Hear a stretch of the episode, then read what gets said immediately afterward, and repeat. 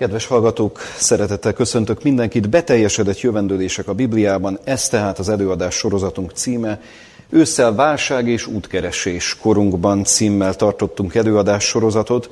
Hogyan is kapcsolódik ez a sorozat az őszi sorozathoz? Mert ugye fölmerülhet bennünk a kérdés, hogy ugye ősszel beszéltünk arról, hogy egyáltalán a világunk milyen állapotban van, mit mondanak erről természettudósok, mi az az összkép, amit láthatunk ezzel kapcsolatban a világunkban. Ehhez képest ugye csak egyetlen előadás foglalkozott azzal, hogy hát ez egy döbbenetes dolog, de a Szentírás előre jövendől azokról, amelyek most teljesednek be. Na most, ha ezt az ember látja, ezt az ember elfogadja, mert hogy le van írva Máté Evangélium a 24. fejezetében, érdemes egy picit hátrébb lépni ettől a témától, és megnézni, hogy hogy nézett ez ki a múltban. Hogy nézett ez ki az ókorban? Abból a szempontból, hogy voltak-e az ókorban, voltak-e az Ószövetség idején olyan történelmi jövendőlések, amelyek szintén beteljesedtek. Tehát ez kulcsfontosságú kérdés, mert ugye azt fogjuk látni, és ez is a sorozatnak a célja, hogy lássuk azt, hogy valóban ezek a jövendőlések, ezek akkor megszülettek, és ez leellenőrizhető, hogy ezek beteljesedtek-e. Ha igen, akkor a Bibliában olyan titok van elrejtve, amit nekünk nagyon érdemes megismerni. Ha nem, adott esetben, akkor a Biblia egy hazug könyv, mert hogy olyan dolgokat állít, amelyek nem igazak, nem teljesednek be. Na ez a sorozatnak a célja, hogy ezt megvizsgáljuk, hogy hogyan is néz ki a Szentírás ebből a szempontból. A Biblia történelem szemléletéről beszéltünk már, egy kicsit vissza fogok majd utalni arra az előadásra, de most a célunk az az, hogy miért is mondhatjuk azt, és miért állítjuk azt, és ezt szeretném bizonyítani, ezt a tételt, hogy a Biblia nem más, mint a beteljesedett jövendőlések könyve. És ezek a beteljesedett jövendőlések, ezek gyakorlatilag átszövik a Bibliát. Tehát akár éveken keresztül beszélhetnénk ezekről a beteljesedett jövendőlésekről, Mózes első könyvétől elkezdve, jelenések könyvével bezárólag. De mi csak Dániel könyvére tudunk koncentrálni. Arra a Dániel könyvére, ami most is a vezérfonalul fog szolgálni. Vezérfonalunk tehát a történelmi jövendőlések megfigyelése, hitelesek-e, és kedves hallgatók, van egy olyan idézet, amit idéztünk már ősszel, de nem lehet elégszer idézni. Nem lehet elégszer végig gondolni azt, amit Blaise Pascal, a 17. századi híres természettudós, világhírű természettudós, matematikus és fizikus leírt gondolataiban, hiszen ő nem csak matematikus meg fizikus volt, hanem egy nagyon komoly gondolkodó is. Nem sok életidő adatot Blaise Pascalnak, de ebben a nem sok életidőben, tehát alig 40 évben, vagy közel 40 évben egészen elképesztő az az örökség, amit ő, ő az utókorra hagyott. Következőképpen fogalmaz a 693. töredékében. Különféle egymással ellentétes vallásokat látok, következésképpen mind hamis, kivéve egyet, amelyik nem az. Mindegyik a maga tekintélyére hivatkozva követeli, hogy higgyenek benne, és fenyegeti a hitetleneket. Ezen az alapon tehát nem hiszek bennük, mert azt akárki mondhatja, akárki kijelentheti, hogy próféta. Ám azt látom, hogy a keresztény vallásban beteljesedett jövendőlések vannak, ezt pedig egyik sem mondhatja el magáról. Azt mondja tehát Pascal, hogy az, hogy valaki azt állítja magáról, hogy próféta, vagy valamely vallás, vallás azt állítja magáról, hogy igaz. Szóval Pascal úgy fogalmaz, mintha azt érzékeltetné, hogy na és akkor mi van? Megvonom a vállamat. Tehát ez bárki tudja mondani, hogy kérem szépen higgyenek nekem, mert igazat beszélek. Hát mi, mi alapján higgyek benne? Kell, hogy legyen olyan érv, olyan megkülönböztető jegy, ami, ami az egyiket kiemeli a sok vallás közül. És ez az egyik, ez nem más, mint a kereszténység, és ez a bizonyos megkülönböztető jegy, és itt figyeljünk jól Pascal megfogalmazására, ez az, hogy a keresztény vallásban beteljesedett jövendőlések vannak. Nem azt mondja, hogy jövendőlés, jövendőlések. Ha azt a kérdést tesszük föl, hogy mennyi, könnyen elképzelhető, hogy erre nem is tudunk válaszolni. Nem lehet számba venni az összeset. Na ezekből fogunk megnézni néhányat ezen a sorozaton. Ez tehát a célunk, hogy bemutassuk azt, hogy tényleg, amit Pascal mondott valamikor az 1650-es években, mert hogy ugye 1623-tól 62-ig élt ez a, ez a nagy formátumú ember, ez a világhírű természettudós. Szóval az, amit Pascal mondott, abban, abban tényleg van igazság. Beteljesedett jövendőlések. És ez az, amit a többi vallás nem mondhat el magáról. És hogy aztán ebből mi következik, az egy másik kérdés. Az előadás sorozatnak pusztán ez a célja, hogy ezeket a jövendőléseket bemutassa. Ilyen értelemben talán azokat a jövendőléseket, amelyek a legmarkánsabban és a legegyszerűbben megragadhatók. Mert itt nem bonyolult dolgokról fogunk beszélni, itt olyan dolgokról fogunk szólni, amelyek Dániel könyvében szerepelnek, Dániel könyvében le vannak írva, nem egyszeri, hanem többszöri megerősítéssel, és ha az ember fölteszi majd magának a kérdést, és mi is igyekszünk ezt föltenni időről időre ezt a kérdést, hogy tulajdonképpen miről beszélünk, Bibliáról vagy történelemről, akkor erre a kérdésre az igazán helyes válasz az az, hogy mindkettőről. Mindkettőről egyszerre. Mert gyakorlatilag párhuzamosan fut a kettő egymással, az ige megjövendöli, a történelemből pedig tökéletesen alá tudjuk támasztani. Tényleg így volt. Tényleg ez történt. És ilyen értelemben tulajdonképpen szakmai kérdésről van szó, hogy most akkor az ember utána néze annak, hogy például az új babiloni birodalom esetében mi is a helyzet, mert ha utána néz, akkor láthatja, hogy az igei jövendőlés és a beteljesedés fedi egymást. No nézzük, miről is szólunk tehát, ugye az első előadásunk címe az új babiloni birodalom és Nabukodonozor sorsa. Mi is volt ez a bizonyos új babiloni birodalom, és egyáltalán hogy jön ide ez az új babiloni birodalom? Miért pont ezzel kezdjük az áttekintést? De legelőször is nézzük meg azt, hogy ez a térképen hogyan is néz ki. Az új babiloni birodalom és az egyiptomi királyság, ezt láthatjuk tehát itt a térképen. Na most itt látható, hogy egy nagy kiterjedésű birodalomról van szó, alig hanem többek számára ismerős, hogy ugye ez itt Kis-Ázsiának a területe, a mai Törökországé gyakorlatilag, és ettől délre, tehát a Tigristől ugye nyugatra, a Tigris folyótól, Tigris és Eufrátesz folyótól nyugatra helyezkedik el ez a hatalmas kiterjedésű birodalom, újbabiloni birodalom néven. Időszámításunk előtt 626-tól 539-ig létezett egyébként. Egyiptomot is láthatjuk a térképen.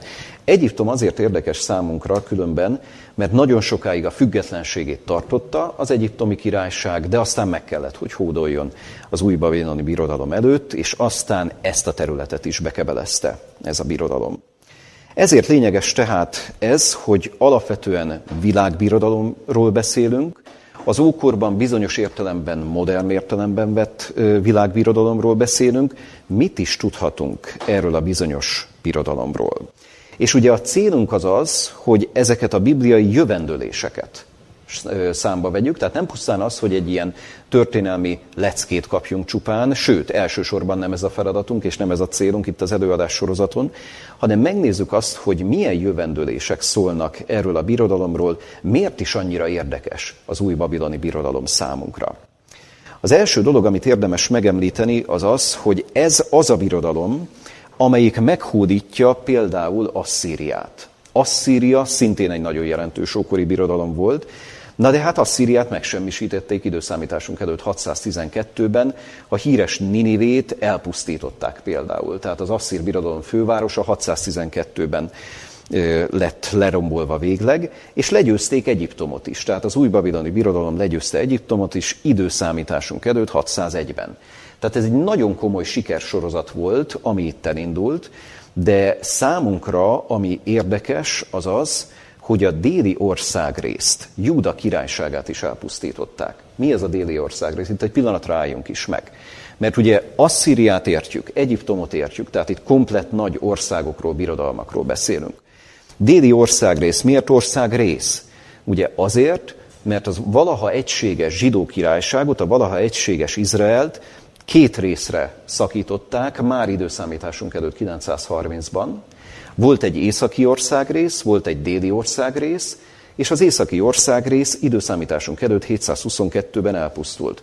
Érdemes figyelni egyébként az évszámra, pontosan az az Asszíria hódította meg, akit aztán majd az új babiloni birodalom lesz az, aki meghódított időszámításunk előtt 612-ben, tehát gyakorlatilag 110 évvel később.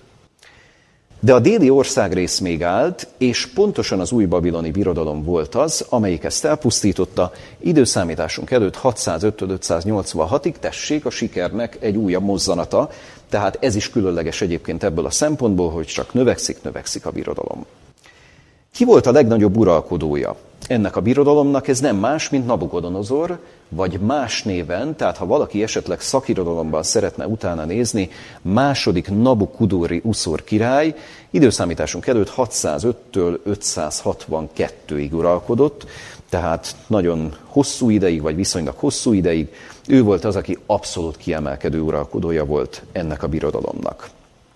Na most számunkra, ami érdekes, hogy a Biblia ezt több alkalommal is említi Babilont, jövendőlés formájában is. Tehát kifejezetten sokszor előkerül Babilon.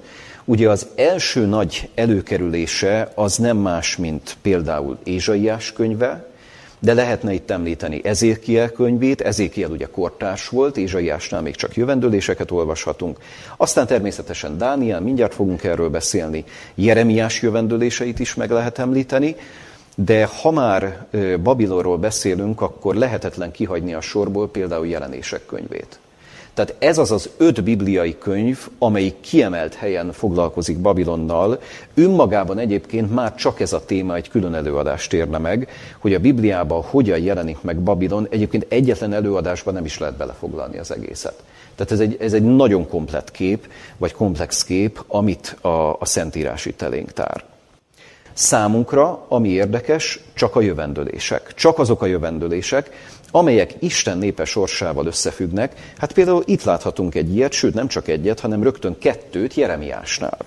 Jeremiásnál a következőket olvashatjuk ugye erről a híres nagy államalakulatról, mert ugye ne felejtsük el, a, a kulcskérdés, a legfontosabb kérdés számunkra az az, hogy tulajdonképpen mi is a helyzet a déli ország résszel, tehát Júda királyságát elpusztították, na de hát ez egy iszonyatos csapás volt a birodalom számára. Ezt az iszonyatos csapát, csapást, ezt, ezt hogyan heveri ki a birodalom, és, és egyáltalán már, mint hogy, hogy Júdának a, a, a királysága. Fölépül valaha, lesz újra Júda, és egyáltalán vége lesz ennek a, a hatalmas csapásnak, hatalmas fenyítéknek? Na mit mond erről Jeremiás? Nézzük ezt meg. Azért ezt mondja a seregek ura, mivel hogy nem hallgattatok az én beszédemre, íme kiküldöm én Nabukodonozort, a babiloni királyt, az én szolgámat.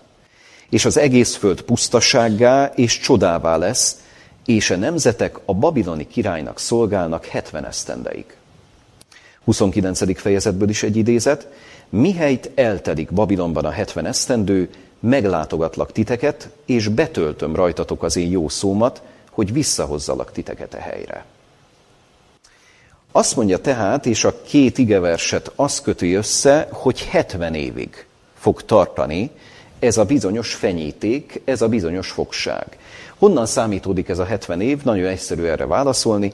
Időszámításunk előtt 605-től, mert hogy Juda királyságának az elpusztítása, ugye tólig adtuk ezt meg, ez körülbelül 20 év alatt következett be, három nagy hullámban, de az első hullám időszámításunk előtt 605-höz köthető. És azt mondja Jeremiás, tehát jövendőlésként mondja, hogy 70 esztendeig fog tartani ez a bizonyos fogság. Egyébként, ha megnézzük, akkor, és ezzel most már mi részletesen nem fogunk foglalkozni, majd csak a következő alkalommal, ez az id- időszámításunk előtti 535-ös dátum lesz, ami majd egy következő birodalomnál, a Perzsa birodalom esetében teljesedik be, ténylegesen 70 esztendeig tartott a fogság. Tehát amit Jeremiás megjövendől kétszer is, nagyon fontos, nem egy, hanem két megerősítése van, ez pontosan, ez a 70 esztendő, ez beteljesedett. De ugye mennyire szép, tehát erre a lelki üzenetre is figyeljünk föl, mennyire szép Jeremiás könyvében ez a gondolat. Azt mondja, hogy mihelyt eltedik ez a 70 esztendő, meglátogatlak titeket, és betöltöm rajtatok az én jó szómat, hogy visszahozzalak, visszahozzalak titeket a helyre. Tehát az, hogy Isten fenyítéket enged meg, a zsidó nép, a választott nép esetében ez nem önmagában van csupán, hogy most akkor kedve volt ehhez, vagy így döntött. Nem, hát ténylegesen ez megtörtént, na de ott van az örömhír, hogy ez nem fog örökké tartani. Szeretnélek benneteket visszahozni erre a helyre.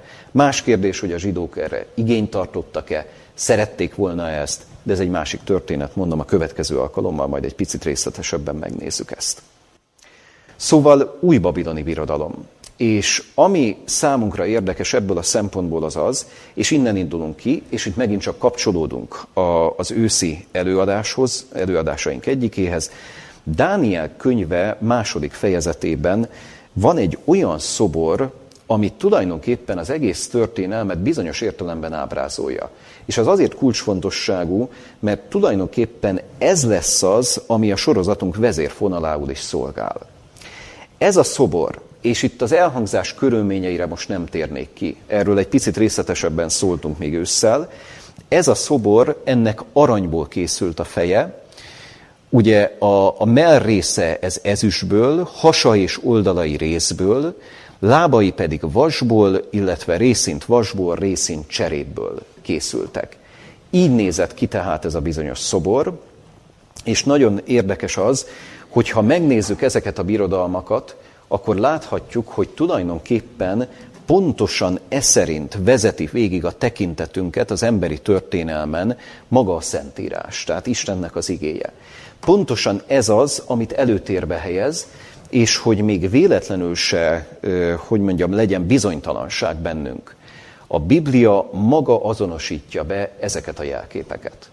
Maga azonosítja be ezeket a jelképeket, tehát nem pusztán azt mondja, hogy nézd csak, adok én egy ilyen különleges látomás, ugye álomban jött látomást, pontosan Nabukodonozor királynak, tehát ő, ő neki adta, és talált ki, hogy mit jelentenek ezek a fémek, mit jelképeznek ezek a bizonyos fémek, hogy aranyezős réz, vas, vas és cserép.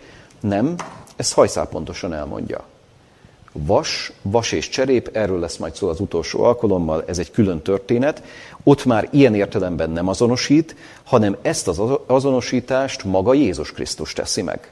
De ezt majd a negyedik alkalommal fogjuk részleteiben megnézni. Nézzük tehát azt, hogy Babilonnak melyek a jelképei a Szentírásban, melyek a jelképei a Bibliában. Szó szerint ezt olvashatjuk Dániel könyve második fejezetének 38. versében, te vagy az aranyfej. Te vagy az aranyfej. Tehát magyarán, hogyha az ember visszagondol arra, hogy tulajdonképpen mi is az, hogy vázlatprofécia, mert ugye erről a, a fogalomról is beszéltünk még ősszel, vázlatprofécia az az, amelyik a kezdettől egészen a végig átfogja a történelmet, egy olyan vázlatot ad, ami tulajdonképpen az ember számára viszonyítási pontként, eligazításként szolgál, hogy tényleg hogyan is néz ki a történelem. Na jó, de honnan indulunk? Mi a vázlatprofécia kezdőpontja? És erre azt lehet mondani, hogy itt ennél a vázlatproféciánál Dániel könyve második fejezetében látható ez a bizonyos szobor látomás, ugye egy álomban, ennek a kezdőpontja nem más, mint hogy Nabukodonozornak azt mondja, te vagy az aranyfej. Innen indulunk. És innen egészen kifuttatja a végéig, a történelem végéig ezt a, a jövendőlést a Szentírás. Miért pont arany? Tehát miért pont aranyjal jelképezi ezt a birodalmat, de hogyha így fogalmazunk, nem is teljesen pontosan fogalmazunk. Mert ugye azt mondja, hogy nem maga a birodalom az arany, hanem te vagy az aranyfej. Te vagy az aranyfej. Annyira érdekes egyébként ebből a szempontból ez a bizonyos látomás és egyáltalán az egész összkép, mert hogy tulajdonképpen nagyon szépen érzékelteti Dániel könyve, hogy milyen ember volt ez a bizonyos Nabukodonozor. Tehát még egyszer, időszámításunk előtt 605-562-ig uralkodott. És ez alatt az uralkodási idő alatt, ugye, amit Dániel könyvében láthatunk, azért jó néhány ponton találkozhatunk Nabukodonozorral, Nabukodonozor jellemével. És szeretnék majd erre is hangsúlyt helyezni, hogy tényleg ki volt ő, milyen volt ő. De továbbra is kérdés a kérdés, miért pont arany? És egyáltalán mennyire jellemezte a birodalmat az, hogy valóban arany volt-e a birodalomban? Egyáltalán mit is mondhatunk erről? Hérodotoztól szeretnék idézni, attól a görög történetírótól, aki is nagyon sokat foglalkozott tényleg történelemmel, tulajdonképpen a történetírás atyának tekinthető. Az időszámításunk előtti 5. században élt, tehát nem is sokkal az események után. Na nézzük azt, hogy maga Hérodotosz hogyan beszél Babilonról, és egyáltalán hogyan, miként szól erről a hatalmas világbirodalomról, mit derített föl, mit mondtak el neki, hogyan számoltak be erről a városról. Következőket olvashatjuk itt a Görög-Perzsa háború című kötetében. Van Babilonban egy másik templom is, ahol Zeus magas, arany ülőszobra, s mellette egy nagy aranyasztal látható. Aranyból van a szobor talapzata és a trónus is.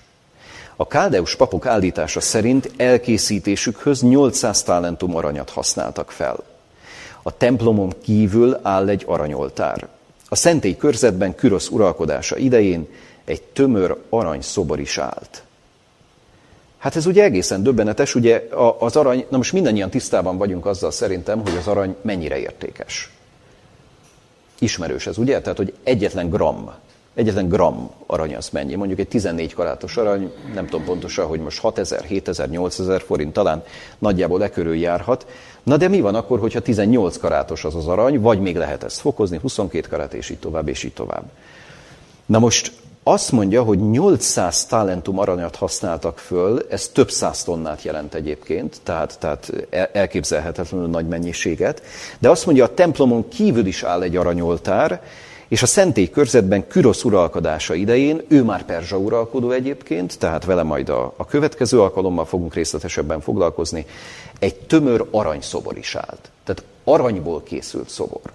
Hát lehet azt mondani, hogy hogy, hogy tényleg azért, azért van, van rengeteg pénz most is a világunkban, meg rengeteg gazdagság, meg tényleg vannak olyan emberek, akik mérhetetlenül gazdagok, na de azért, azért aranyszobrokról nem nagyon tudunk. Tehát, tehát az, hogy tömör aranyból készüljön valami. Tehát, tehát döbbenetes, hogy ott az időszámításunk előtti 600-as években, 500-as években micsoda bőségben volt az arany.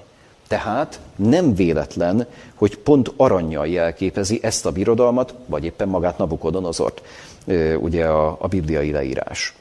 Hatalmas pompa jellemezte Babilont, ezt a város, és óriási méretek. Itt kiírtam egy adatot, a felvonulási út, ez például 20 méter szélességű lehetett. 20 méter, gondoljunk ebbe bele. Tehát ma, ma, ma is azért az utak ennél azért jó, jócskán szűkebbek. 20 méter szélességű felvonulási út, és akár 800 ezer lakosa is lehetett ennek a városnak.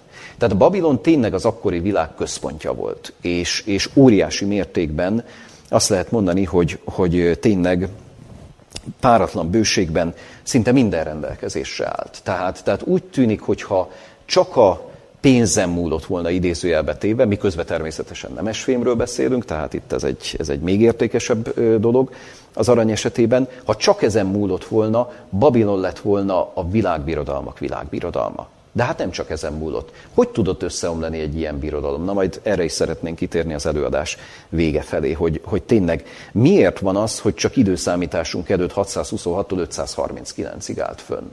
tehát még, még, még azt lehet mondani, hogy száz évig sem. Jogos kérdések, és, és tényleg érdemes föltenni ezeket a kérdéseket.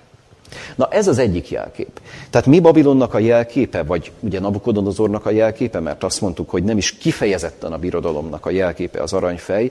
Nagyon érdekes, hogy aranyjal jelképezi, de van még egy jelkép, amire nekünk érdemes figyelnünk.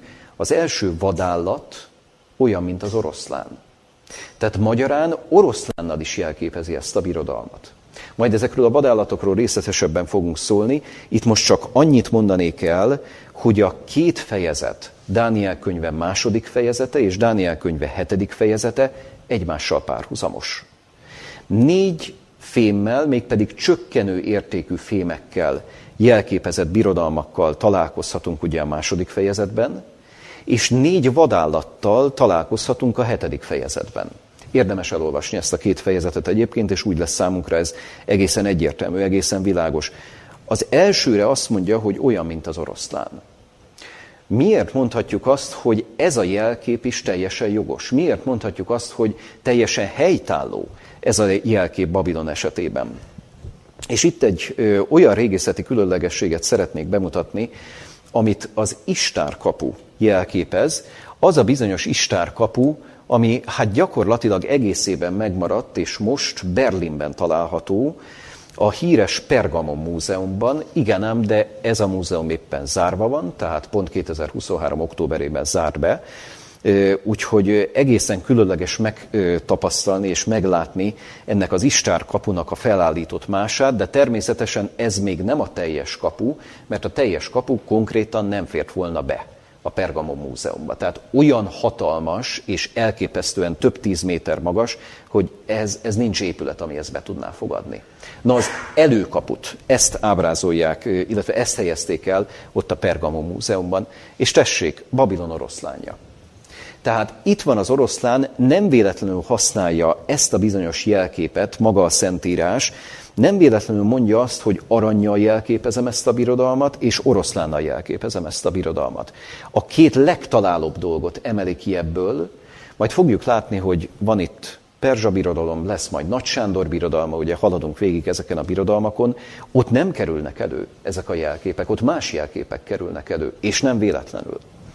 Szóval arany és oroszlán. Ez az istár kapu, ez óriási volt. Tehát tényleg azt lehet mondani, hogy, hogy ugye óriási méretekkel rendelkezett, ez állt egyébként a felvonalási útnak a végén, és az, amiről előzetesen szóltunk, csak egy, egy érdekesség, ugye erről a templomról Hérodotos gondolataira szeretnék még visszautalni, ugye ez is hát valami egészen döbbenetes volt, hogy például aranyjal borított falak vették körül ezt a, a templomot. Egész pontosan a templomban voltak aranyjal borított falak, és aztán még ugye az a rengeteg arany, amit olvastunk a leírásban.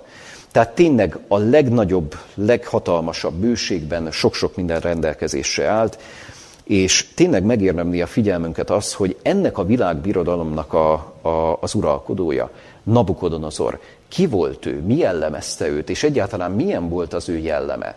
Miért mondhatjuk azt, hogy egy nagyon különleges egyéniség a Bibliában, és miért mondhatjuk azt, hogy Nabukodonozort tulajdonképpen nem is kell annyira messzire éreznünk magunktól. Mert hogy egy nagyon érdekes hullámzást figyelhetünk meg az ő egész lényében, hogyan fogadta ő azt, hogy például ő volt az, akinek Isten ezt a bizonyos szobrot, ezt bemutatta, hogy aranyfej, ezüstmerrész, réz, has és oldalak, és aztán vas és vas és cserép. Miről szól egy- egyáltalán ez a látomás, és tulajdonképpen hogyan fogadta ezt Nabukodonozor, amikor megkapta ezt a látomást? Erre szeretném a következőkben a hangsúlyt helyezni.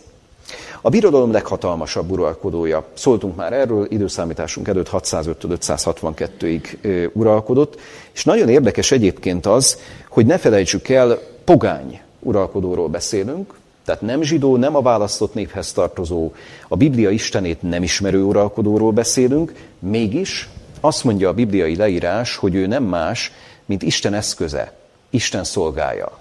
És ugye ő volt az, aki Júda királyságát meghódította. Na most gondoljunk ebbe bele, hogy micsoda ellentmondás. Egyrészt egy hódító, egy olyan hódító, aki a választott nép ellen jön, hát gondoljunk ebbe, bele is, ebbe is bele, hogy ez a választott nép, hát mióta választott nép a zsidó nép? Időszámításunk előtti 15. században teljesen egyértelmű, hogy ezt a népet valami különleges feladatra hívja el Isten, de akár még hamarabb is visszatekinthetünk az időben. Időszámításunk előtti 19. században Ábrahámnak már megjövendöli azt, hogy igen, te belőled hatalmas nép lesz, meg foglak áldani. Tehát gondoljunk ebbe bele, hogy micsoda időtávolságokról beszélünk. Időszámításunk előtti 19. század, most meg itt vagyunk az időszámításunk előtti 7.-6. században. Tehát több mint egy évezredről. Több mint egy évezreden keresztül Isten rengeteget gondoskodott az ő népéről, és mégis meg kellett, hogy engedje ezt a döbbenetes fenyítéket, hogy jön valaki, és meghódítja az országot gyönge 20 év leforgása alatt, időszámításunk előtt 605, 597, 586. De mi ez a bizonyos ellentmondás, amire utaltam? Hát pontosan ez, amit itt láthatunk, hogy Isten szolgájának nevezi. Tehát mint egy figyelmezteti a népet, hogy gondoljátok ezt végig, és vegyétek számításba, ez nem csak egy fenyíték számatokra, hanem aki jön, az az én szolgám. Mennyiben tudott vajon Isten szolgája lenni Nabukodonozor? Ez is egy lényeges kérdés. Mert hogy Istennek hatalmas küzdelmet kellett folytatnia ezért a királyért, és nem meglepő az, hogy akkor, amikor ezt a bizonyos szoborlátomást megkapja, akkor mit is mond Nabukodonozor király. Hogyan idézi Dániel könyve ezt a, ezt a néhány gondolatot, amit olvashatunk Dániel könyve második fejezete 46.-47. versében. Következőképpen idézem. Akkor Nabukodonozor király arcra borult, és imádta Dánielt, és meghagyta, hogy áldozzanak neki. Szólt a király Dánielnek, és mondta, bizonyal a ti istenetek, ő az isteneknek istene, és a királyoknak ura, és a titkok megjelentője. Tehát Nabukodonozorban ott van az a készség, hogy te, Dániel, meg tudtad fejteni azt az álmot, amit én kaptam. Te pontosan tudtad azt, hogy mi volt az én álmom, különleges a Dániel könyve második fejezete ebből a szempontból is, mert nem volt egyértelmű a király számára, hogy mit is álmodott. Nem emlékezett rá. De aztán Dánielnek sikerül ezt megfejtenie úgy, hogy elmondja neki az álmot, és megadja neki a megfejtést is. Na most Nabukodonozor ezt így nyugtázza, hogy igen, a ti istenetek, ő az isteneknek istene. Tehát érezzük ezt, hogy ez egy különleges, ünnepélyes pillanat az ember életében. Ünnepélyes pillanat Nabukodonozor életében, és azt mondja, ő a királyoknak királya, és a titkok megjelentője, mondja ezt, tehát még egyszer húzzok alá ezt a gondolatot, mondja ezt egy pogány uralkodó, aki nem ismeri Isten szabát, vagy nem ismerte korábban Isten szabát, nem ismerte azt, hogy, hogy mit jelent Istennel járni, tehát valami egész különleges ez. Hogyan mutatja be Dániel könyve ezt követően Nabukodonozort? Harmadik fejezetben azt láthatjuk, hogy a királynak fejébe száll a dicsőség. Fejébe száll a dicsőség, felállítat egy hatalmas aranyszobrot, tessék, megint az arany, tehát ugye nem ezüstből, nem másból készül ez a szobor, aranyból készül ez a szobor, és parancsot ad, hogy mindenki imádja ezt. Döbbenetes mértékű volt egyébként ez a, ez a hatalmas szobor, és majdnem 30 méter volt a magassága. Hogyha megnézzük a Dániel könyve harmadik fejezetét, akkor ez, ez egyértelműen látható. És parancsot ad, hogy mindenki imádja ezt. Na most ugye nagyon érdekes az, ha megvizsgálja az ember ezt a fejezetet, hogy három héber ifjú pedig nem hajt térdet, és nem kezdi el imádni magát a királyt, és magát a szobrot, hanem ők kimondják azt, a következőket olvashatjuk itt ebben a fejezetben, íme a mi Istenünk, akit mi szolgálunk, aki ki tud minket szabadítani az égő tüzes kemencéből, és a te kezedből is, ó király, kiszabadít minket. De ha nem tenné is, legyen tudtod, ó király, hogy mi a te isteneidnek nem szolgálunk, és az aranyszobrot, amelyet felállítattál, nem imádjuk. Égő tüzes kemence. Döbbenetes dolog, nem? Tehát égő tüzes kemencéről beszél ugye a bibliai leírás, mert Nabukodonozor azt mondta, hogy ha valaki erre nem hajlandó, oda be kell vetni. És ugye drámai ez a, ez a dolog, és ezért mondom azt, hogy, hogy ugye nem áll messze tőlünk Nabukodonozor abból a szempontból, hogy egy elképesztő hullámzást figyelhetünk meg nála egyik pillanatban kimondja azt, hogy az Úr az Isten, hát követni kell ezt az Isten, hát ki más lehetne, Isteneknek Isten, királyoknak királya, uraknak ura. És tessék ott velünk egy fejezettel később, azt mondja, hogy engem kell imádni, vagy ezt az aranyszobrot kell imádni, és ha valaki nem teszi, akkor elkezd fenyegetőzni, azt mondja, hogy, hogy akkor az halálfia.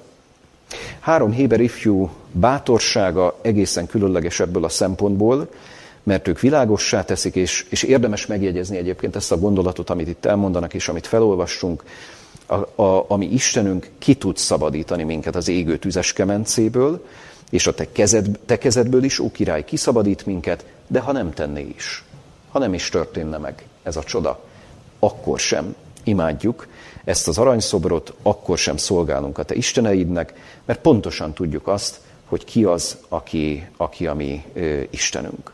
És csodálatos egyébként a fejezet abból a szempontból, hogy Isten megmenekíti őket. Csodálatos az, hogy ilyen értelemben egy hatalmas leckét kap Nabukodonozor, na de a kérdés, hogy mi történik vele ezután. Nabukodonozor sorsáról a következőket tudhatjuk meg a negyedik fejezetben. Nabukodonozor megőrül. Megőrül, mégpedig szintén egy álom fog jövendölni arról, hogy a királynak ez lesz a sorsa. Miért is őrül meg? Azért, mert Isten, mint egy fenyítéket bocsát rá, pontosan tudja ő is, pontosan tudja a király is, tehát pontosan tudja ő is, meg, meg maga Isten is, hogy mi az, ami történt itt a második fejezetben, és hogy ehhez képest Nabukodonozornak a hangulata, hozzáállása hogyan változott a harmadikban. álmod egy olyan álmot álmodik itt ebben a fejezetben van ez megörökítve Nabukodonozor, ami teljesen egyértelműen jelzi, hogy itt az Isten be fog avatkozni Nabukodonozor életébe.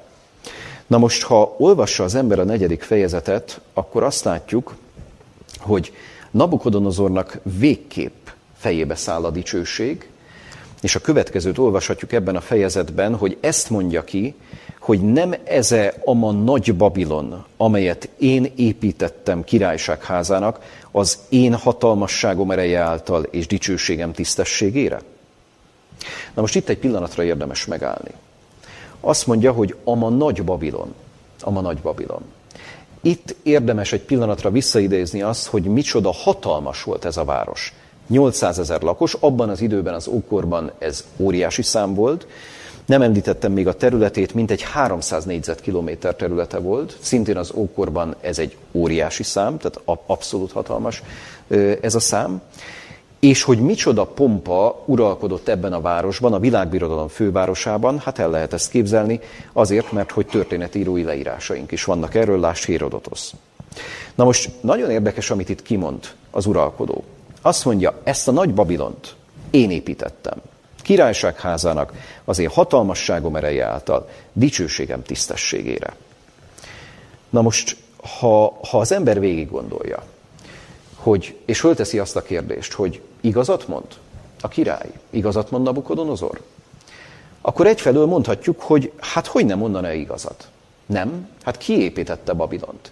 Tehát kinek köszönhető az, hogy Babilon városa olyan lett, amilyen lett? Mert tényleg ez egy hatalmas város, és, és tulajdonképpen tényleg ez egy, ez egy óriási dolog, ami, ami, ami történt ott. És ténylegesen ez a város, ez, ez megérdemelte az összes ember csodálatát. Ennek a vezetője, az építésnek a vezetője és, és egyáltalán a mozgatója, ez nem más, mint maga a király. De figyeljük meg, hogy mennyire az énre helyeződik a hangsúly itt ebben az igeversben. Azt mondja, nem eze ama nagy Babilon, amelyet én építettem, az én hatalmasságom ereje által, és hozzátehetnénk, hogy az én dicsőségem tisztességére. Na most ez jelzi, hogy Nabukodonozor elindult egy olyan úton, aminek a vége nem lehet más, mint egy bukás.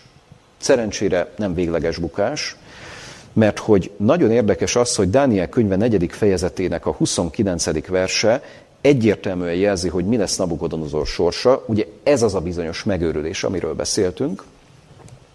Következőket olvashatjuk itt.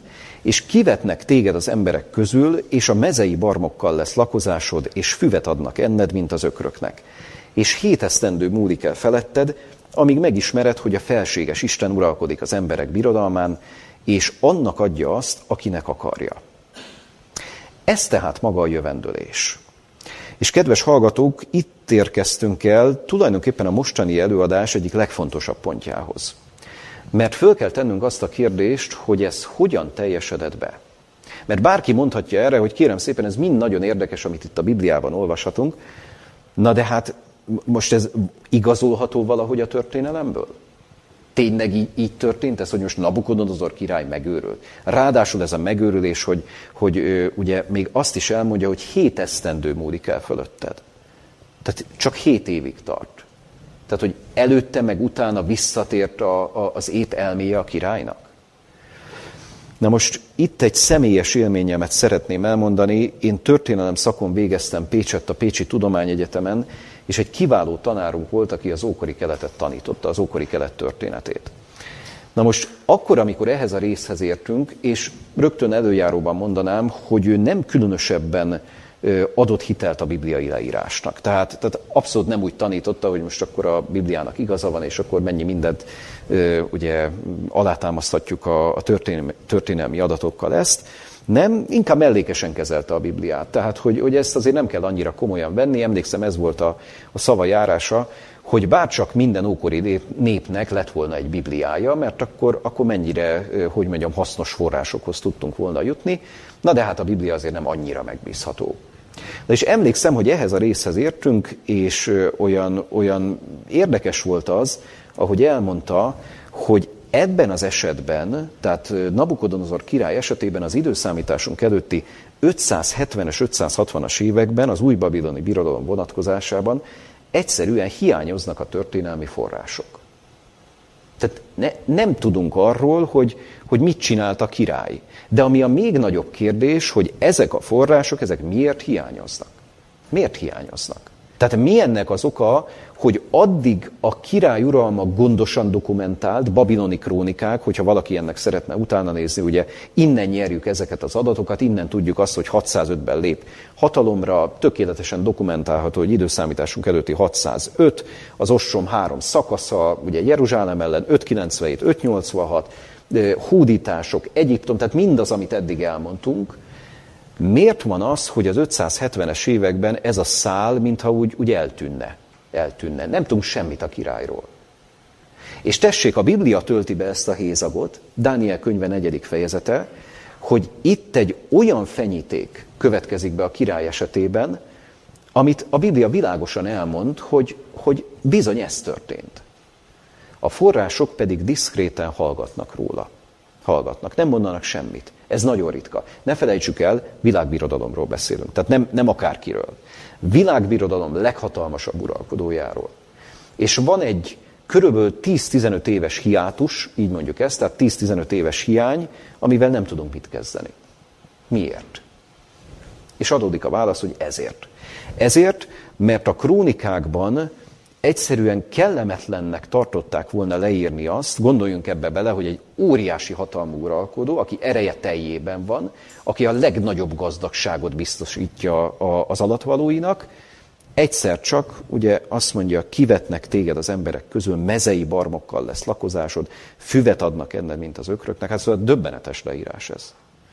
És igen, ez lehet a háttérben, hogy egyszerűen egy, egy egyfajta elbizonytalanodás, zavarodottság lehetett urrá az akkori uralkodói rétegen, és azt mondták, hogy erről inkább ne írjunk semmit. Ez egy külön történet egyébként az ókori kelet esetében a források kezelése hogy mondjam, nagyon nagy forráskritikával kell illetni azt, amit olvasunk. Mert, mert rengetegszer megpróbálták átszínezni a történeteket, másképp feltüntetni, döntetlen közeli csatát nyertessé tenni, és így tovább. Tehát, tehát mondom, ezek az ókori történetírók nem voltak annyira megbízhatók, vagy krónikások nem voltak annyira megbízhatók. Na de ez a csend, erre nem tudunk magyarázatot.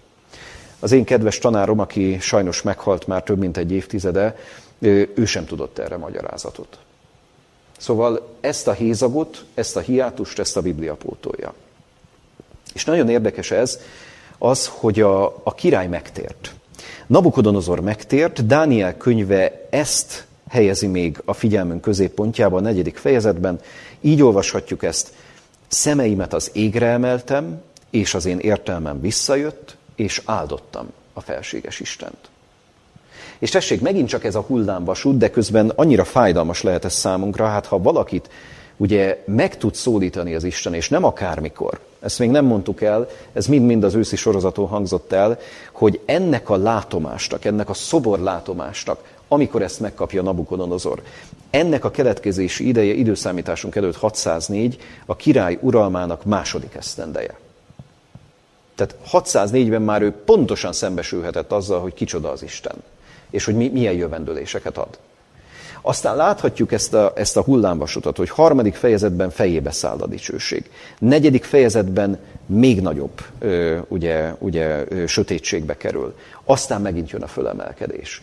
De akkor már nem nagyon tudja, hogy mondjam, jóvá tenni azt, amit az uralkodása korábbi éveiben, évtizedeiben elmulasztott.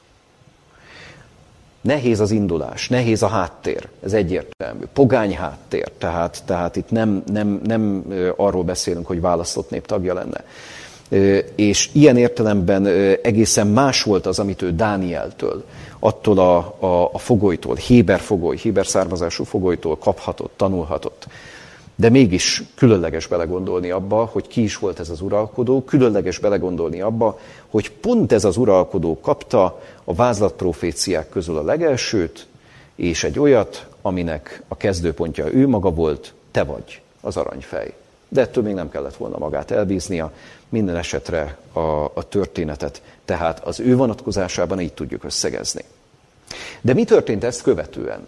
És mit mondhatunk az új babiloni birodalom sorsáról ezt követően? Ez is egy érdekes kérdés egyébként abból a szempontból, hogy időszámításunk előtt 562-ben ez a király ez meghal. De a birodalom maga 539-ig áll fönn, és nagyon érdekes az, és megint csak itt a tanulmányaimra hadd hivatkozzam, hogy, hogy a, a szakemberek, történészek egyetértenek abban, hogy egy nagyon komoly színvonalesés következik be innentől kezdve a birodalomban. Tehát Nabukodonozor, vagy második Nabukudóriuszor egy álló csillag, bizonyos értelemben véve. De 562-ben ennek vége, jó, ott van az a hiátus, ugye beszéltünk erről, tehát 10-15 éves hiány, és hogy ugye ezzel a szakma nem tud mit kezdeni, de 562 után hát gyakorlatilag olyan uralkodók váltják egymást, akikről hát olyan túl sok jót, meg pozitívat nem nagyon lehet elmondani. Érdekes ez, hogy kezd összeomlani a birodalom. Tehát ne felejtsük el, világbirodalomról, mérhetetlen gazdagságú világbirodalomról beszélünk. Kezd összeomlani.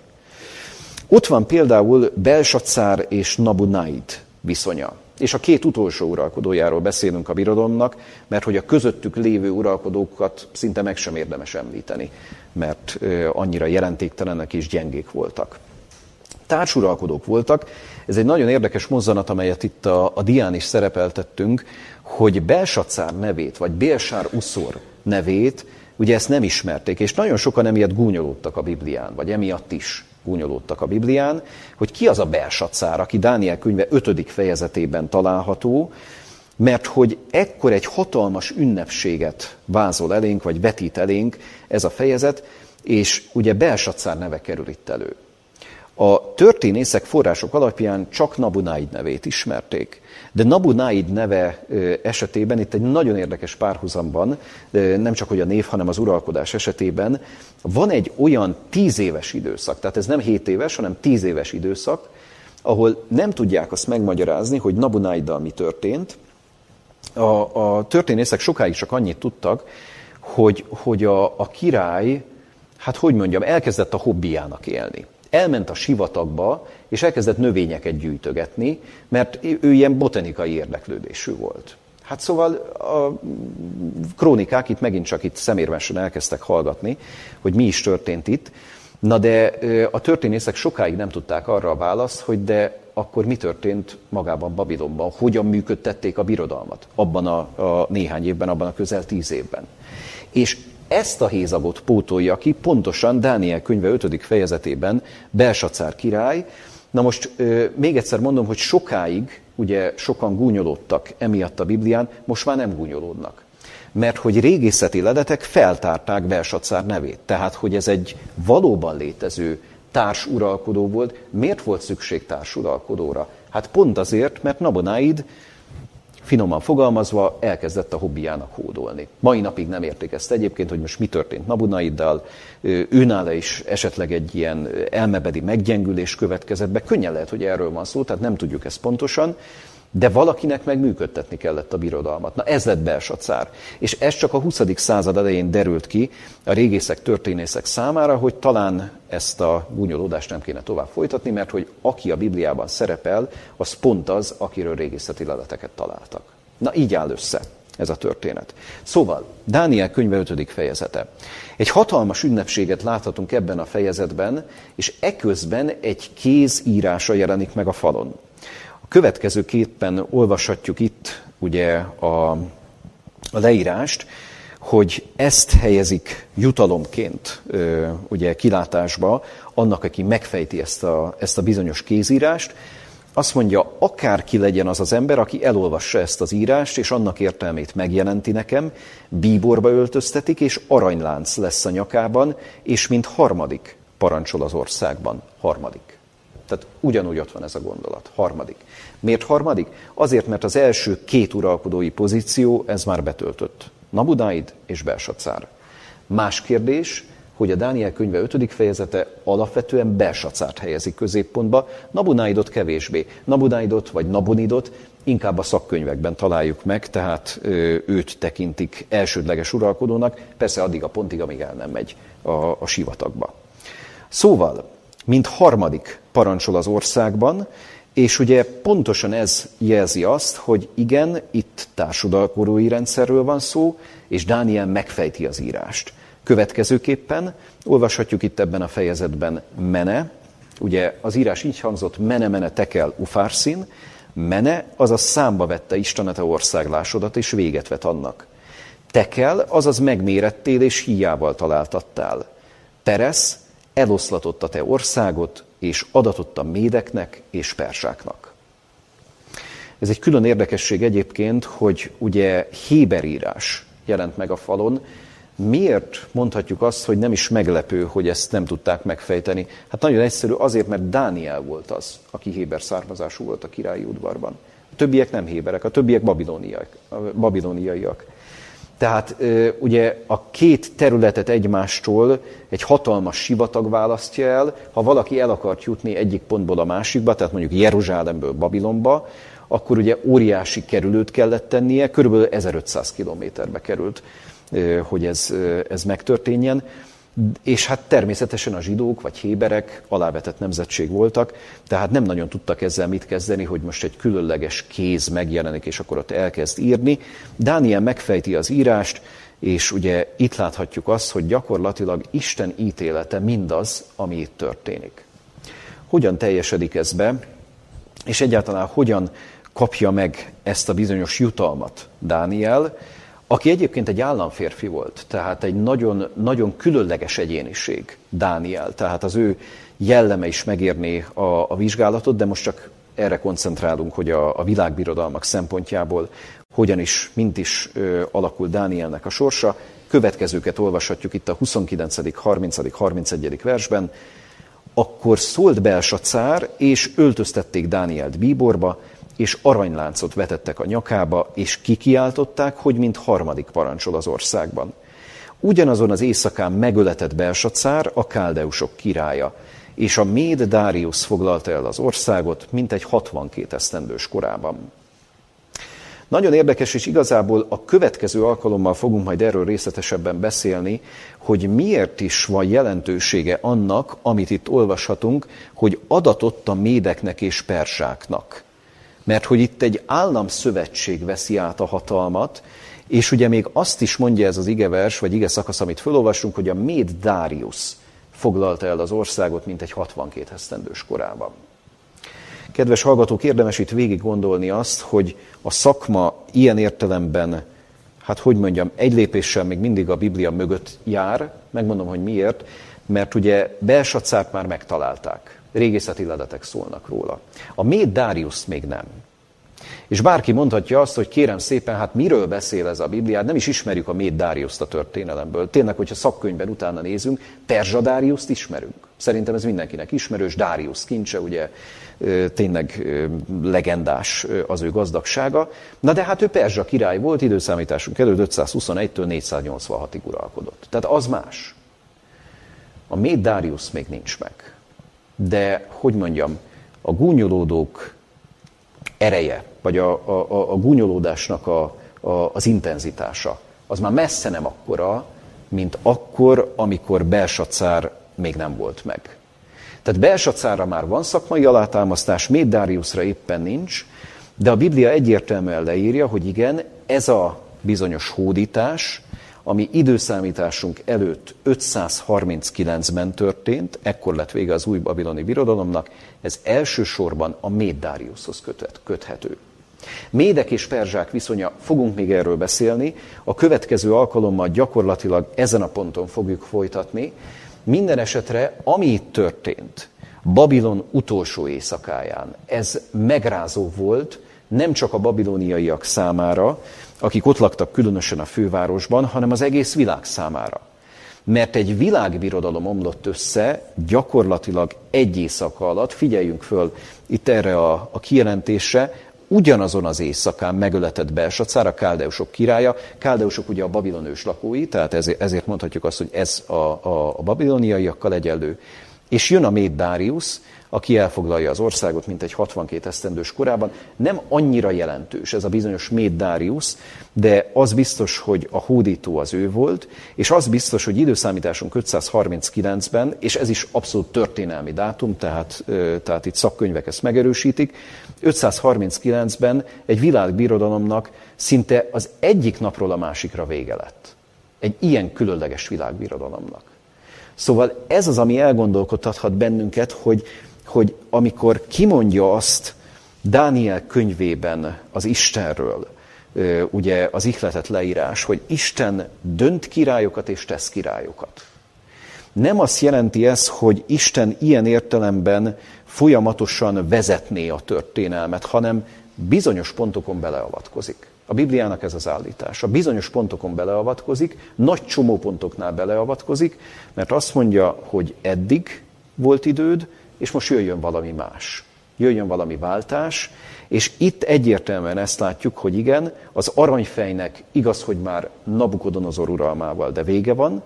A birodalom utána gyönge 23 év elteltével már nem is létezik, időszámításunk előtt 562, ugye meghal Nabukodonozor, 539-ben vége az új babiloni birodalomnak, és jönnek a perzsák, jönnek a médek és a perzsák, és ennek is külön jelentősége lesz egyébként, hogy mennyire érdekes, hogy itt egy állam szövetségről beszélünk.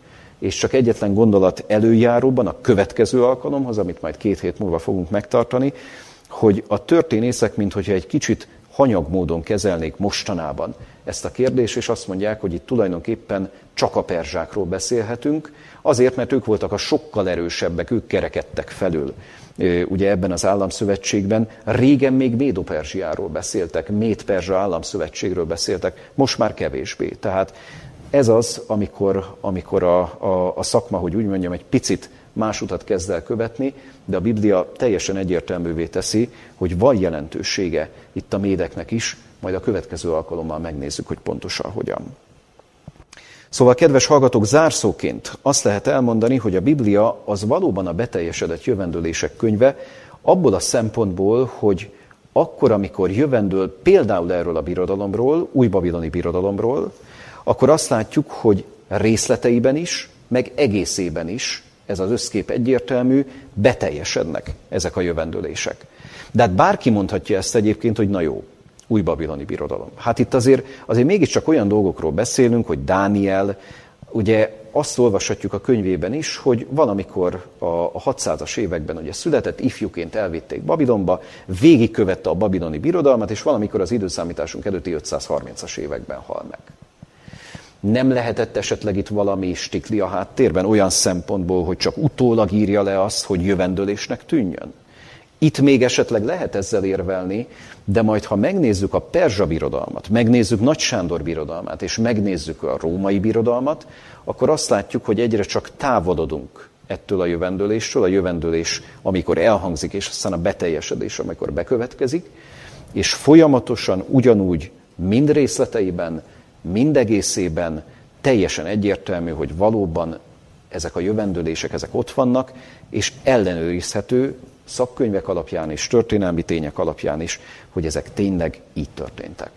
Úgyhogy mondom, itt még ezt az érvet esetleg el lehet mondani, hogy kérem szépen azért, azért ez még nagyon az a kor, amiről Dániel beszél. Következő előadásnál már kevésbé. Kedves hallgatók, köszönöm szépen mindenkinek a figyelmet. Ezen a ponton lezárjuk akkor a, a, az előadásunkat, és akkor két hét múlva folytatjuk a következővel az Óperzsa birodalom felemelkedése és bukása, szintén Dániel könyve alapján igyekszünk megvizsgálni a történelmi tényeket.